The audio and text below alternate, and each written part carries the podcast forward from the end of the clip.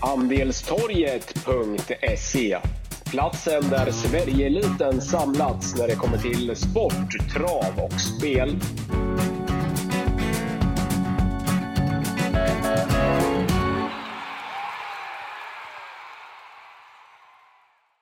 Då var vi tillbaka med ytterligare ett podcastavsnitt signerat Wangle och Wickman. Eh, vi spelar in eh, fredag morgon, eh, 21 maj idag. Imorgon är det 22 maj och det är återigen en stor jackpot på V75. Det beräknas ligga 61 miljoner kronor i potten i morgon. Så att ja, jag, så jag säger samma sak som jag sa förra veckan. Det är lite sånt här vi lever för Wangle med 61 miljoner kronor i V75 jackpot. Ja, verkligen. Och eh, det är ju spelvärt utöver eh, dess like den här veckan och eh, jag tycker omgången ser intressant ut och eh, men som du sa 61 miljoner kronor och eh, man har ju grottat ner sig rejält i listorna här eh, inför lördagen och framför allt när vi var så rätt ute eh, som vi var förra veckan på eh, Umeåker så ja. känns det ju surt att vi inte lyckades pricka in alla rätt där. Exakt. Ta oss igenom lite snabbt om, om Umeåker förra lördagen. Vi, återigen var vi väldigt, väldigt, väldigt, väldigt rätt ute på det i podden, eh, men hade eh, men, men fick nöja oss med sex rätt. Så take us eh, igenom Umeåker. Ja, men det är väl så det har varit lite sista månaden tycker jag. Vi har varit rätt ute, men har inte kunnat lägga pusslet rätt och i eh, lördags då så började vi med spik, digital dominans. Både du och jag ansåg att det var en toppchans och Erik Adelsson lotsade ju hästen till ledningen och vann eh, ja, men ganska över, övertygande. Och eh, sen så spikar vi ju faktiskt eh, lite fräckt Arcoana As där emot favoriten Navona. Och eh, det var väl kanske det snyggaste eh, vi gjorde den omgången för att eh, den var ju bara att spela på runt 20 procent. Och eh, vi hade ju riktigt härlig feeling för den. Och eh, lite flyt i boken hade vi ju att eh, Navona galopperade men ah, jag tror nog att Arcana As som den såg ut och kapaciteten att den hade kanske vunnit ändå. Så att eh, vi började spik spik och då var det ju champagne på kylning. Men eh, tyvärr vid Cuenca var ju du riktigt inne på. Mika Fors körde ett snyggt lopp, vann ohotad i överlägsen stil där också. Evens Cool Boy fick vi med som skräll, men det räckte tyvärr inte eftersom vi då hade garderat Don Fanucci set med både Brother Bill, Hail Mary och Global Adventure. Så, så fick vi bara nöja oss med fyra, fem streck i sista och ja, då blir ju rallyfanny för svår och, och jag satt ju nästan stenklar på att din vinnare Welt skulle vinna eh, in i sista sväng. Men eh, ja, hade inte riktigt det där gnistan till slut som jag hade hoppats på. Men eh, ja, det är svårt att lägga pusslet, men helt rätt ute var vi i alla fall. Så är det ju. Alltså Welk, om, om den är som den, när den är som bäst, då vinner ju den i lördags. Men det räcker ju. Det räcker att den har en sämre dag så, så är man ju borta. Men det som egentligen mm. kostade oss sjuan i, i, i söndags, det var ju att vi garderade både Missile Hill och Don Fanucci sett ganska brett jag brukar vara ganska självkritisk mot oss i den här podden. Att, men fan, hade vi gjort så så hade det gått in och, och där borde vi ha gjort annorlunda. Men jag tycker ändå att vi gör helt rätt. Alltså, vi börjar med spik, spik och sen garderar vi omgångens eh, två stora favoriter i Missile Hill och Don Fanucci set. Och det är ju för att när det är en jackpot är det ju ännu större pengar vi, vi vill åt. Och jag menar, det var inga mil att vi fick bort både Missile Hill och Don Fanucci set. Eh, så att jag menar, det hade kunnat bli ruggig, ruggig champagne i lördag. Så att den här omgången tycker jag faktiskt att vi gjorde helt rätt. Jag menar, vi, vi ville fälla Missile Hill och Don Fanucci set och då försökte vi göra det rejält och då hade vi som sagt bara råd med, med fyra streck i, i sista. Spikar vi någon av dem också, då får vi ju givetvis med fler hästar i sista, till och med alla, för det var ju inte så många till slut som kom till start. Då har vi med Rally Fanny och då gav, gav vi ju ändå 116 papp. Men vi, vi spelade ju för miljonerna i lördags och med, den anledningen tyckte jag att vi gjorde rätt. Ja, men jag håller med och, och det känns ju riktigt härlig känsla när man spikar Digital Dominansen sitter och sen även Arcana As. Ja, framförallt att, eh, det var ju många som gick på berg. Det var väl lite därför också när vi samtalade där i lördags att vi tyckte att det var värd att ta ställning på Örjan eh, med Arcana för att det var många som gick på berg. Nu är det som du säger, man fick väl aldrig riktigt något kvitto på hur reglerna hade blivit med tanke på att berg hoppade. men jag tror att det är jättebra chans för Arcana ändå. Men vi tog ju verkligen ställning eftersom att det var mycket hets och surr kring, kring Bergs där och, och det visade sig rätt den här gången. Mm. Eh, men vi bläddrar vidare eh, och som sagt, jag vill bara återigen puffa för att hänga med inne på andistorget.se. Dels så släpper vi eh, Wickman och Wagnes podcastavsnitt här runt tio tiden när podden är färdig. Men sen finns det ju ett smörgåsbord utan dess like en sån där jackpot-lördag. Vi har ju prickat in V75 här nu varje helg under eh, egentligen en längre tid. Eh, Travtjänsten var det ju som satte V75 förra lördagen, så att vi, vi ska försöka vara där i, igen. Eh, men vi börjar här med eh, V75 1 på, eh, på Gävle. Det är ett silverdivisionsförsök. En ganska klar favorit, jättefavorit nästan till och med i Robert Bergs nummer 6 Van Gogh ZS. Hur, hur tacklar vi den här favven, Magne? Är det bara att inleda med spik eller vill vi gardera? Ja, så här va, jag tycker att van Gogh ZS ska vara favorit och den ska vara ganska klar favorit. Sen så har den ju börjat segla upp och bli lite väl stor favorit tycker jag. Men eh, det finns ju ingenting som talar emot tycker jag. Det enda är ju att den är anmäld barfota runt om och där tycker jag att man ska passa lite för att den har varit lite mer osäker barfota runt om tycker jag. Den galopperade på Axevalla och den galopperade på Boden barfota runt om. Så att eh, visserligen så har den vunnit ett lopp, men ja, det är väl det emot om van Gogh säger att det skulle bli lite rullig och, och ta något galoppsteg. Men samtidigt så tycker jag Per Lennartsson upp. Det är ett kustplus. Jag gillar Per Lennartsson skarpt och eh, han är en taktiker utav dess like och extremt skicklig. Så att van Gogh ZS har en toppchans och jag är beredd att säga att det är ja, men en tänkbar spik, absolut.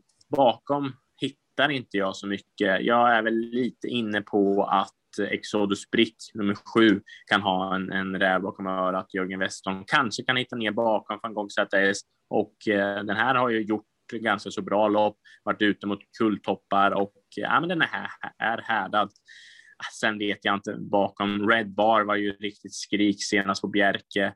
Orkade inte riktigt då, men eh, har kapacitet och sen eventuellt barfota runt om då på nummer tre, Majestic Man, som eh, ja, blir fast med rubbet sparat senast och den har ju vunnit på V75 för men helt klart en solklar första häst i van Gogh och Det kan vara rätt att, att spika direkt i en sån här stor jackpot-omgång då eh, många inte kanske vågar ta ställning direkt. Ja, äh, men det är väl klart att, äh, att eh, äh, Bergs van Gogh ska vara favorit i, i V75-ledningen och jag tycker att det kan vara en, en stark utgångshäst på ett reducerat äh, spelförslag hos speltjänst.se. Däremot vill jag inte sträcka mig så pass långt så att jag, jag spikar den på, på allt. Jag tycker att det finns bättre spikar i, i omgången. Jag tycker att spelprocenten blir lite väl i överkant i talande stund 54 spelprocent. Eh, det finns några, några orosmoln på, på min himmel och det är dels att jag tycker att Bergs hästar överlag ibland är väldigt ojämna.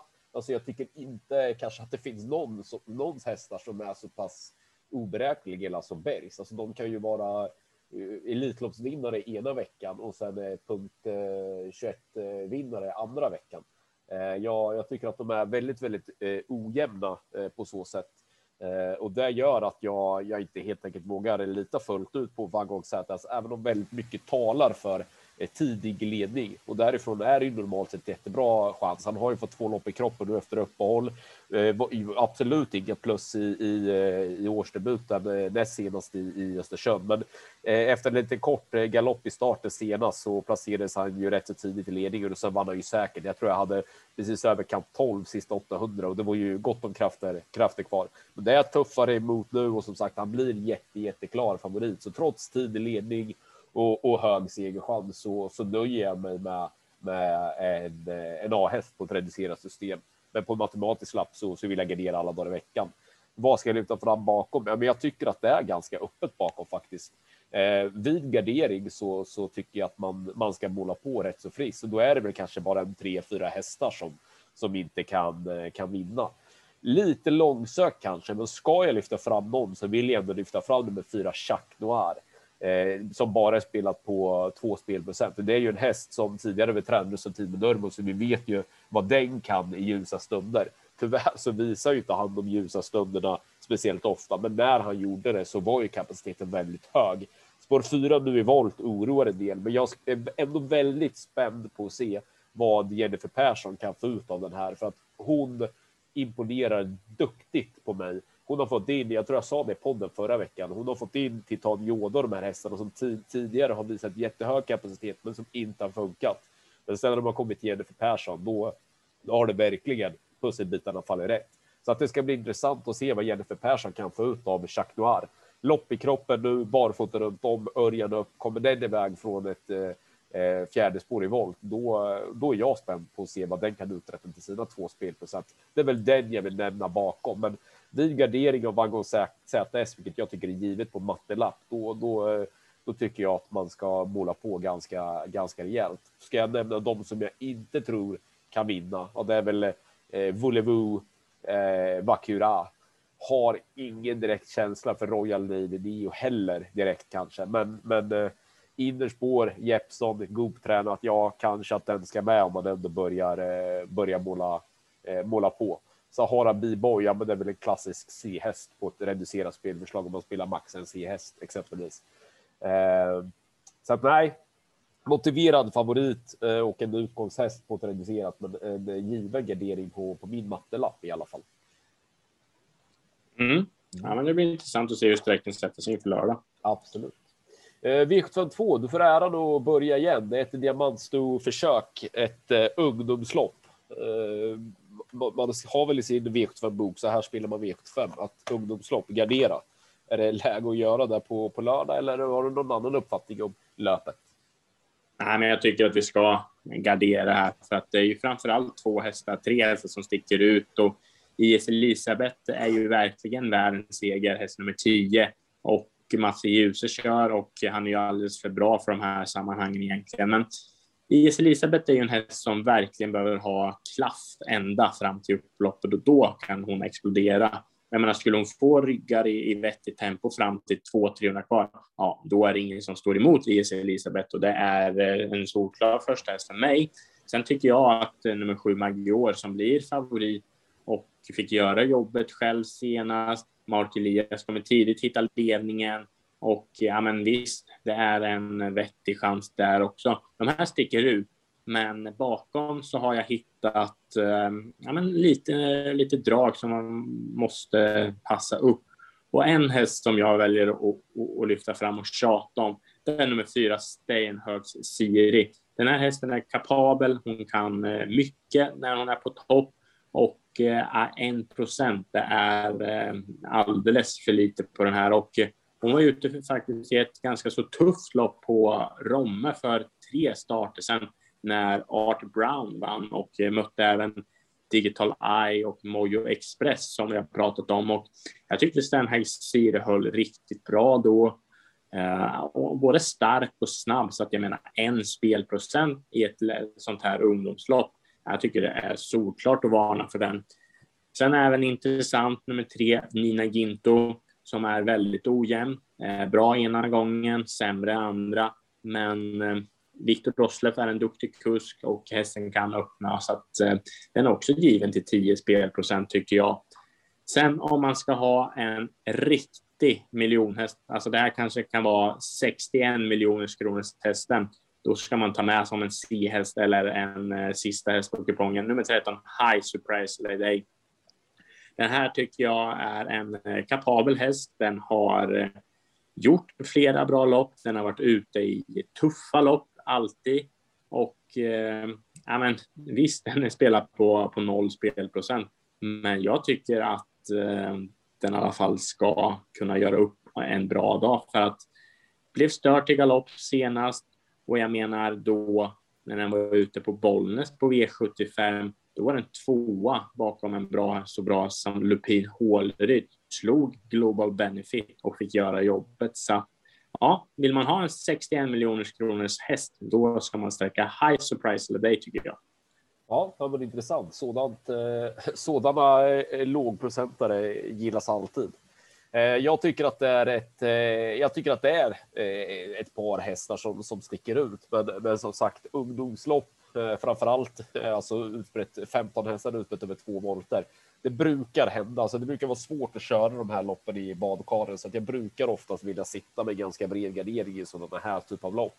Men jag tycker så här på förhand att det är eh, ja, men två, tre kanske fyra hästar som, som sticker ut. Min givna första häst, det är nummer sju Maggiore, som jag verkligen gillade intrycket på senast vid seger. Och med två lopp i kroppen här nu efter, eh, efter vinteruppehåll så bör hon rimligtvis vara ännu bättre på lördag. Konrad Luga visar ju dessutom toppform på sitt stall.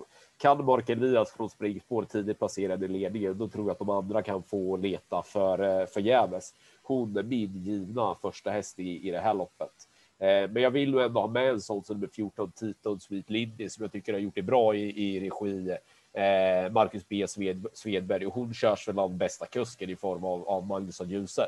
I första anblick så är det, men det är en sån där häst som går bäst när hon är med i den främre träffen direkt. Men kollar man tillbaka lite så går hon bra från, från egentligen alla positioner, både i, i tät och, och, och i ryggresa. Så att eh, stämmer det lite för henne under vägen, då, då biter hennes starka avslutning bra, för hon är tuff och tål att gå. Sen har vi ju sånt som med 10 IS Elisabeth, vinner ju aldrig, men spurtar ju bra i stort sett varje gång. Skulle hon få, få eh, rätt ryggresa fram till upploppet så, så är det klart att hennes starka sista 200-300 kan, eh, kan bära ända vägen fram den här gången. Lite svårbedömt vart nummer 11 Santigriff var inte som bäst senast och dessutom var ska hon ta vägen från från spår 4 på, på tilläggsvolten.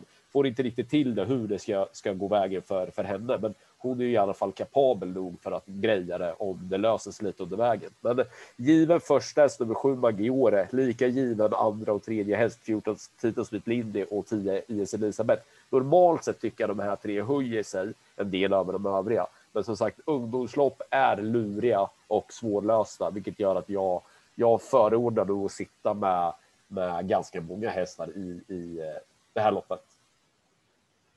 Mm, ja, men det tror jag att vi får, får gardera faktiskt. Ja.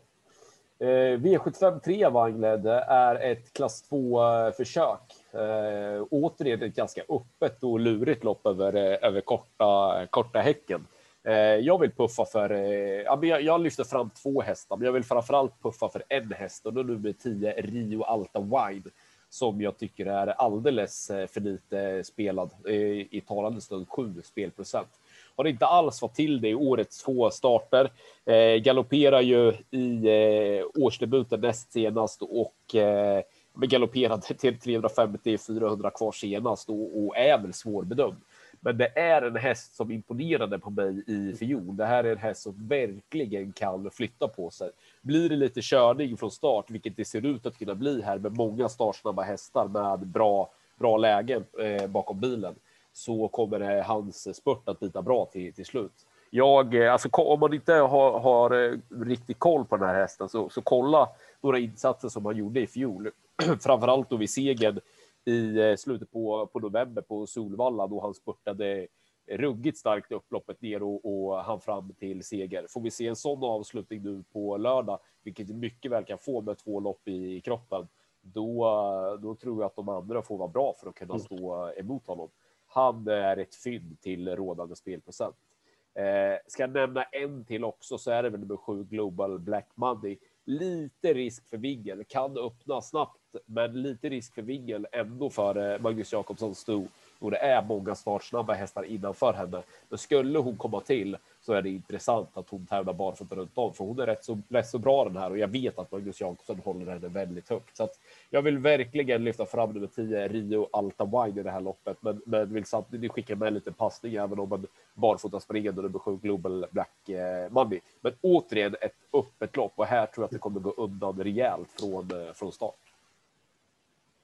Ja, men det, där är vi helt överens och jag skulle också puffa rejält för nummer 10 Rio Alta Wine, så där är vi helt i, överens. Och du sa allting så att jag eh, behöver inte lägga ut mer om nummer 10 Rio Alta Wine, förutom att det är en given häst på kupongen.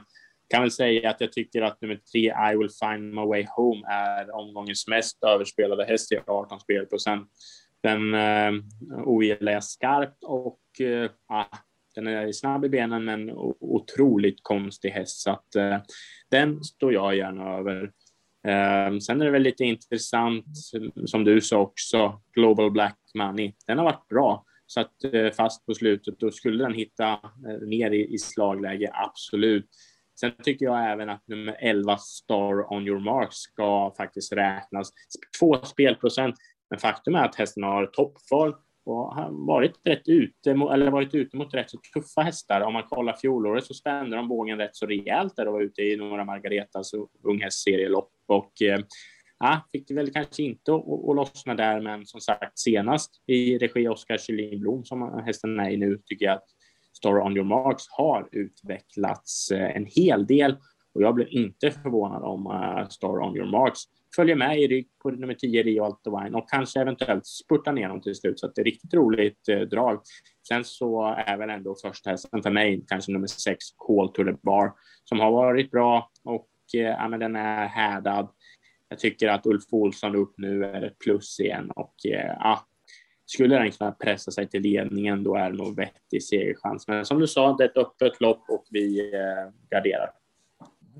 Eh, V754, det är eh, ett kallblodslopp. Eh, 14 hästar kommer till start utsprätt över tre eh, volter. Eh, ja, men bästa hästen, det är väl inget snack om att det är nummer 15 Ard som eh, har imponerat i stort sett varje gång här på, på slutet. Eh, var ju överlägsen i seger näst senast och senast så avslutade ju ruskigt vast som, eh, som trea stämmer det lite för honom under vägen så, så är han ju både stark och, och, och, snabb och då kan han bli tuff att stå emot. Han står ändå hårdare inne i, i, i loppet den här gången än som, har varit, än som har varit fallet tidigare och det är inte lätt att runda 14 hästar så att även om jag tycker att det, Ard kanske ska vara favorit i loppet, nu skiljer det ganska mycket mellan Ard och nummer två Ulve Eh, Ölmsåsen så, eh, så är det ändå ingenting man, man vill gå på. För som sagt, stå lite tuffare inne den här gången och det är enklare sagt än gjort att bara runda 14, ja, 13 konkurrenter blir det nu eftersom vi har en struken häst. Så att eh, gardering för mig och, och även om Ölmsåsen, den får ju sitt elddop nu och eh, knappt 40 spelprocent tycker jag är, är för mycket. Men det är väl ingen snack om att eh, han är, då är intressant i det här loppet. Eh, jag läste tidig ledning på, på Linderos häst och därifrån så ska det bli, bli kul att se hur långt han, eh, han räcker. Det kan ju vara så enkelt att de övriga inte bara når honom, men jag vill se det innan jag, jag köper det till de här höga spelprocenten. För att han får ju som sagt sitt eld upp nu, men det är ju annars en kapabel häst som visade redan under fjolåret hur, hur pass bra han är. Och jag menar, han har vunnit 10 av 13 starter hittills, så att det är väl ingen snack om att Ulvsåsen ska räknas i, i det här loppet. Men eh, men en favorit på startvolten som får sitt elddop och med en andrahandsfavorit som står tuffare inne i loppet än vad han har gjort tidigare. Det, det luktar gardering i, för mig i, i alla fall.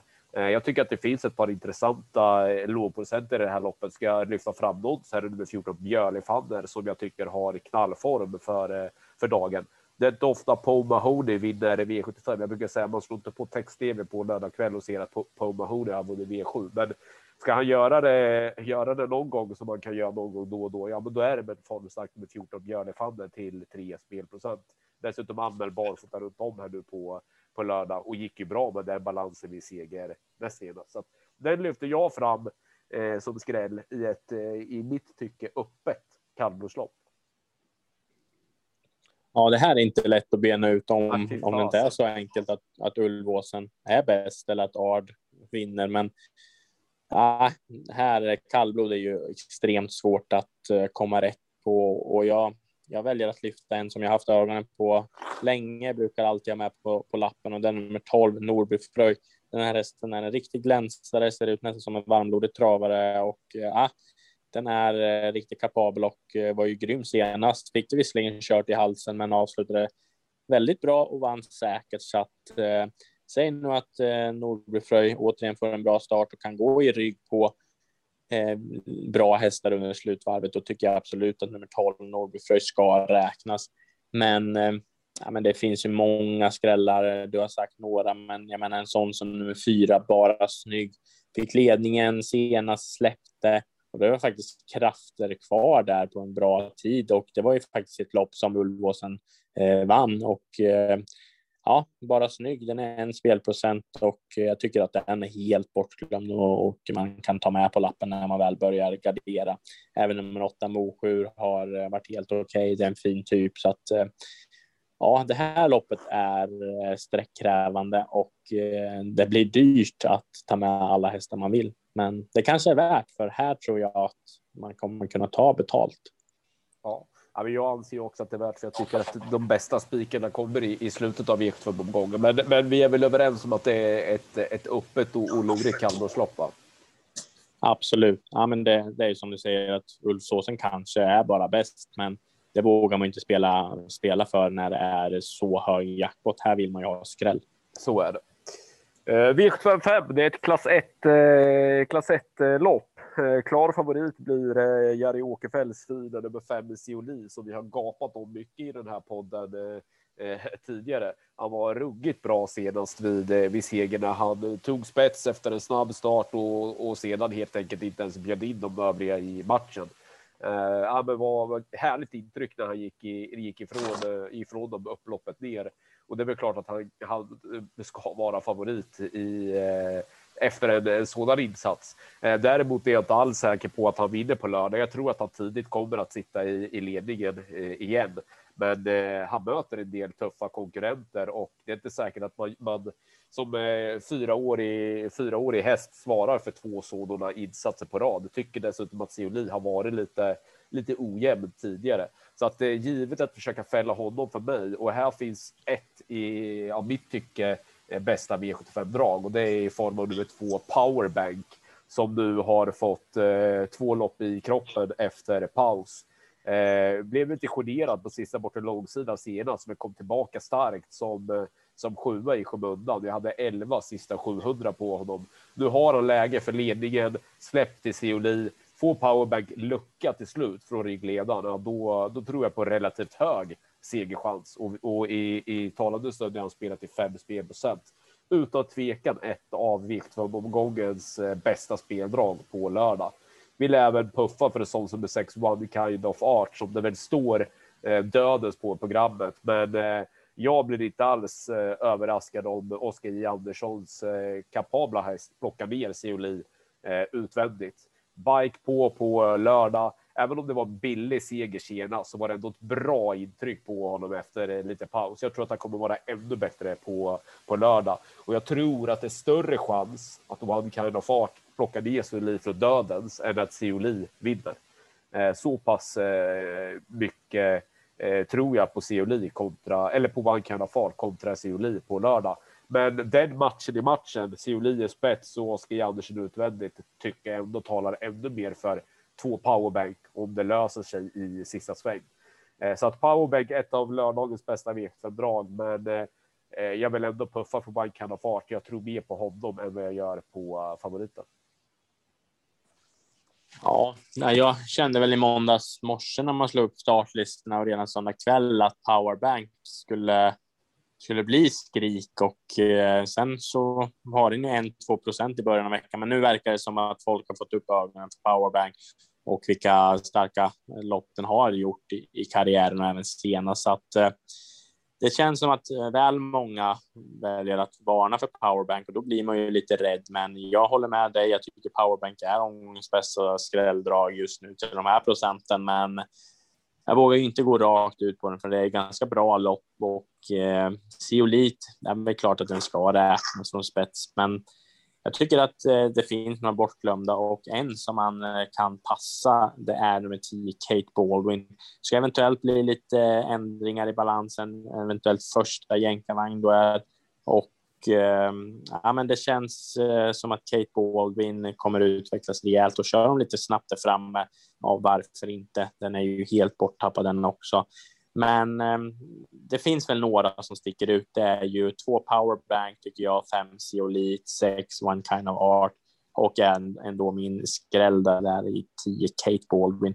Sen vet man väl inte riktigt dagsstatus på nummer 11 Pacific Kingdom, för den har ju faktiskt varit bra och har vunnit på V75 förr, så att eh, den får väl heller inte räknas bort om man garderar vidare.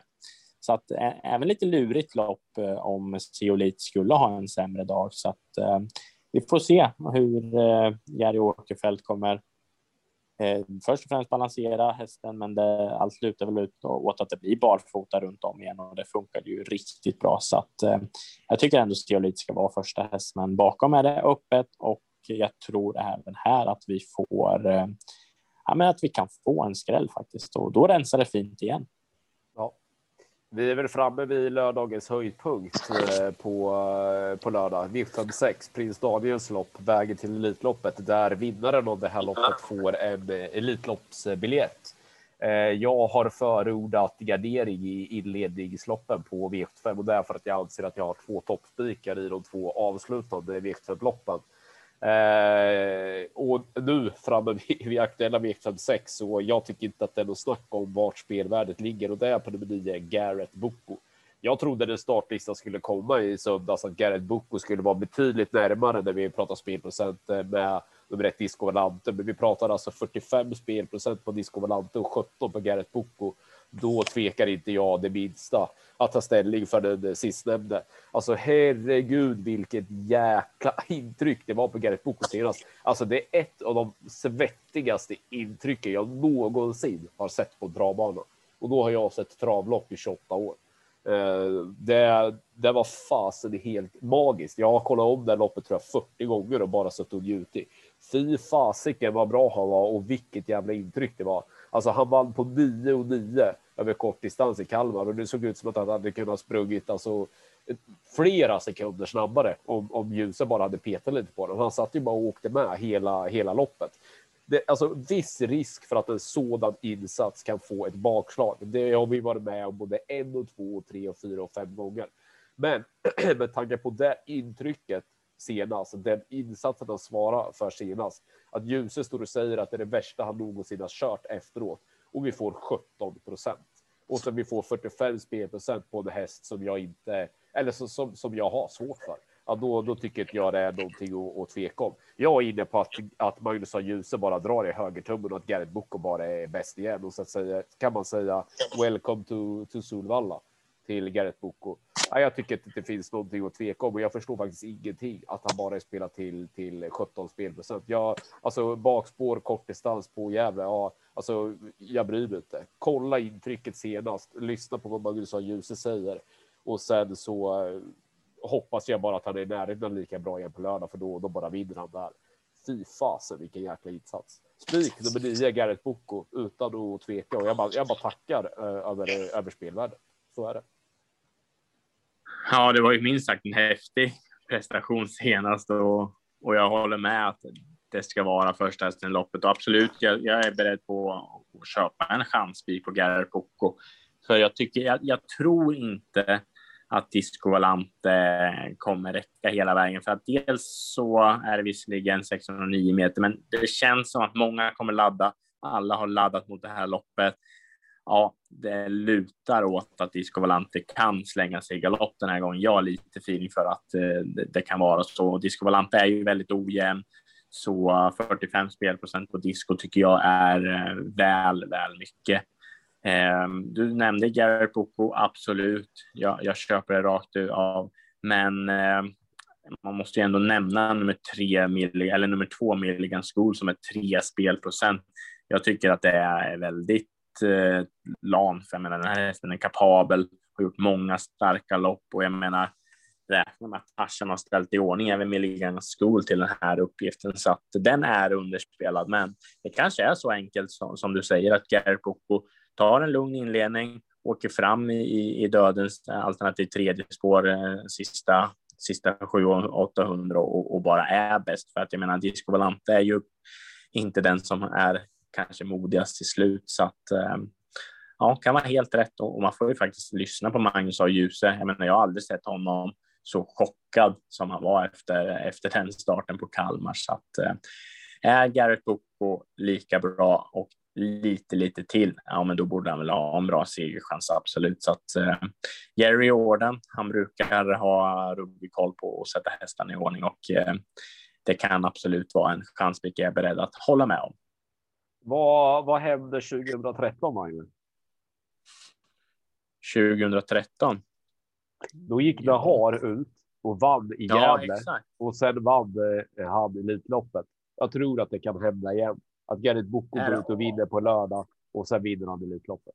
Alltså, ja, är det, det finns... åtta år sedan alltså? Det är ja, helt, det, helt ja, det är hemskt hur jävla snabbt det går. Men 2013 så vann Nahar. Eh, eh, då, då var min, eh, eh min farbror Mattias Stenby var ju sportchef på Solvalla då.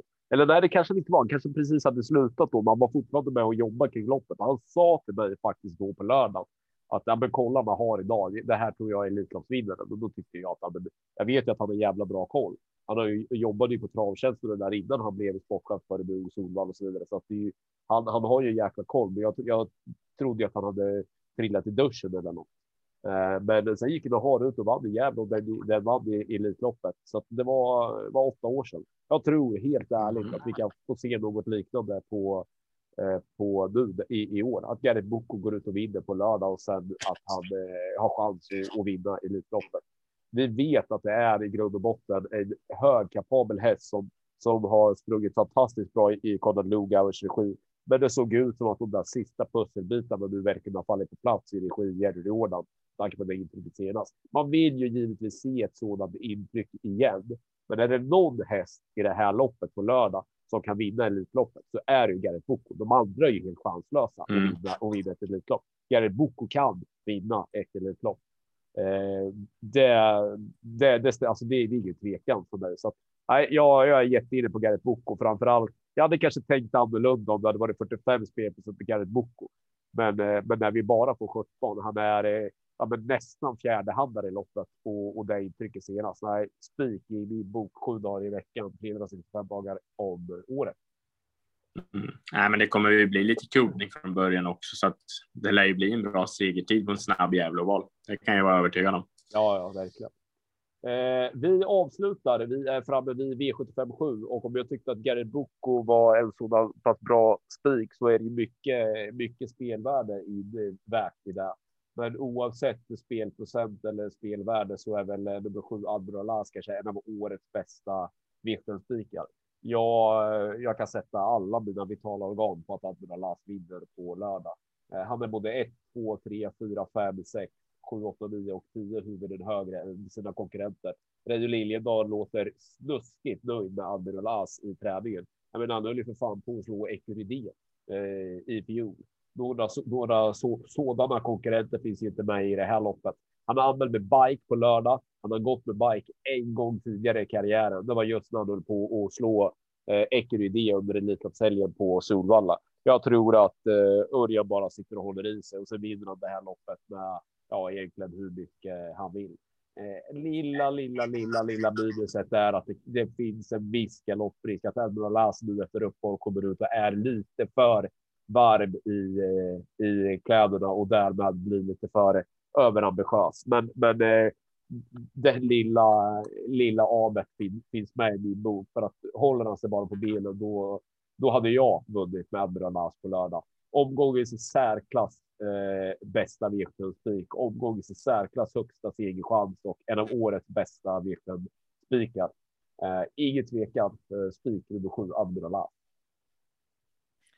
Nej, jag köper faktiskt snacket och eh, men det låter ju på dig som att allt har flutit på bra i vinter och att eh, ja, men den, den Admiralas är dags för en eh, riktig, riktigt bra säsong. Och jag tycker det är intressant också att det är eh, Örjan som kör och det är väl första gången Örjan Kihlström får chansen bakom Admiralas och och man håller ju Kihlström högt, speciellt med sådana här hästar när han har kanske huvudet högre och, det räcker ju med att han kanske kör till ledningen efter ett varv eller så där, utan, eller bara placerar honom i, i döden sista varvet. Så att, ja, jag tror att eh, Admiral As är en toppspik också faktiskt och även eh, trots att jag mm, trodde att hästen skulle bli klar favorit så 44 spelprocent. Det är inte så mycket ändå tycker jag, för att Oxidizer drar ju mycket streck.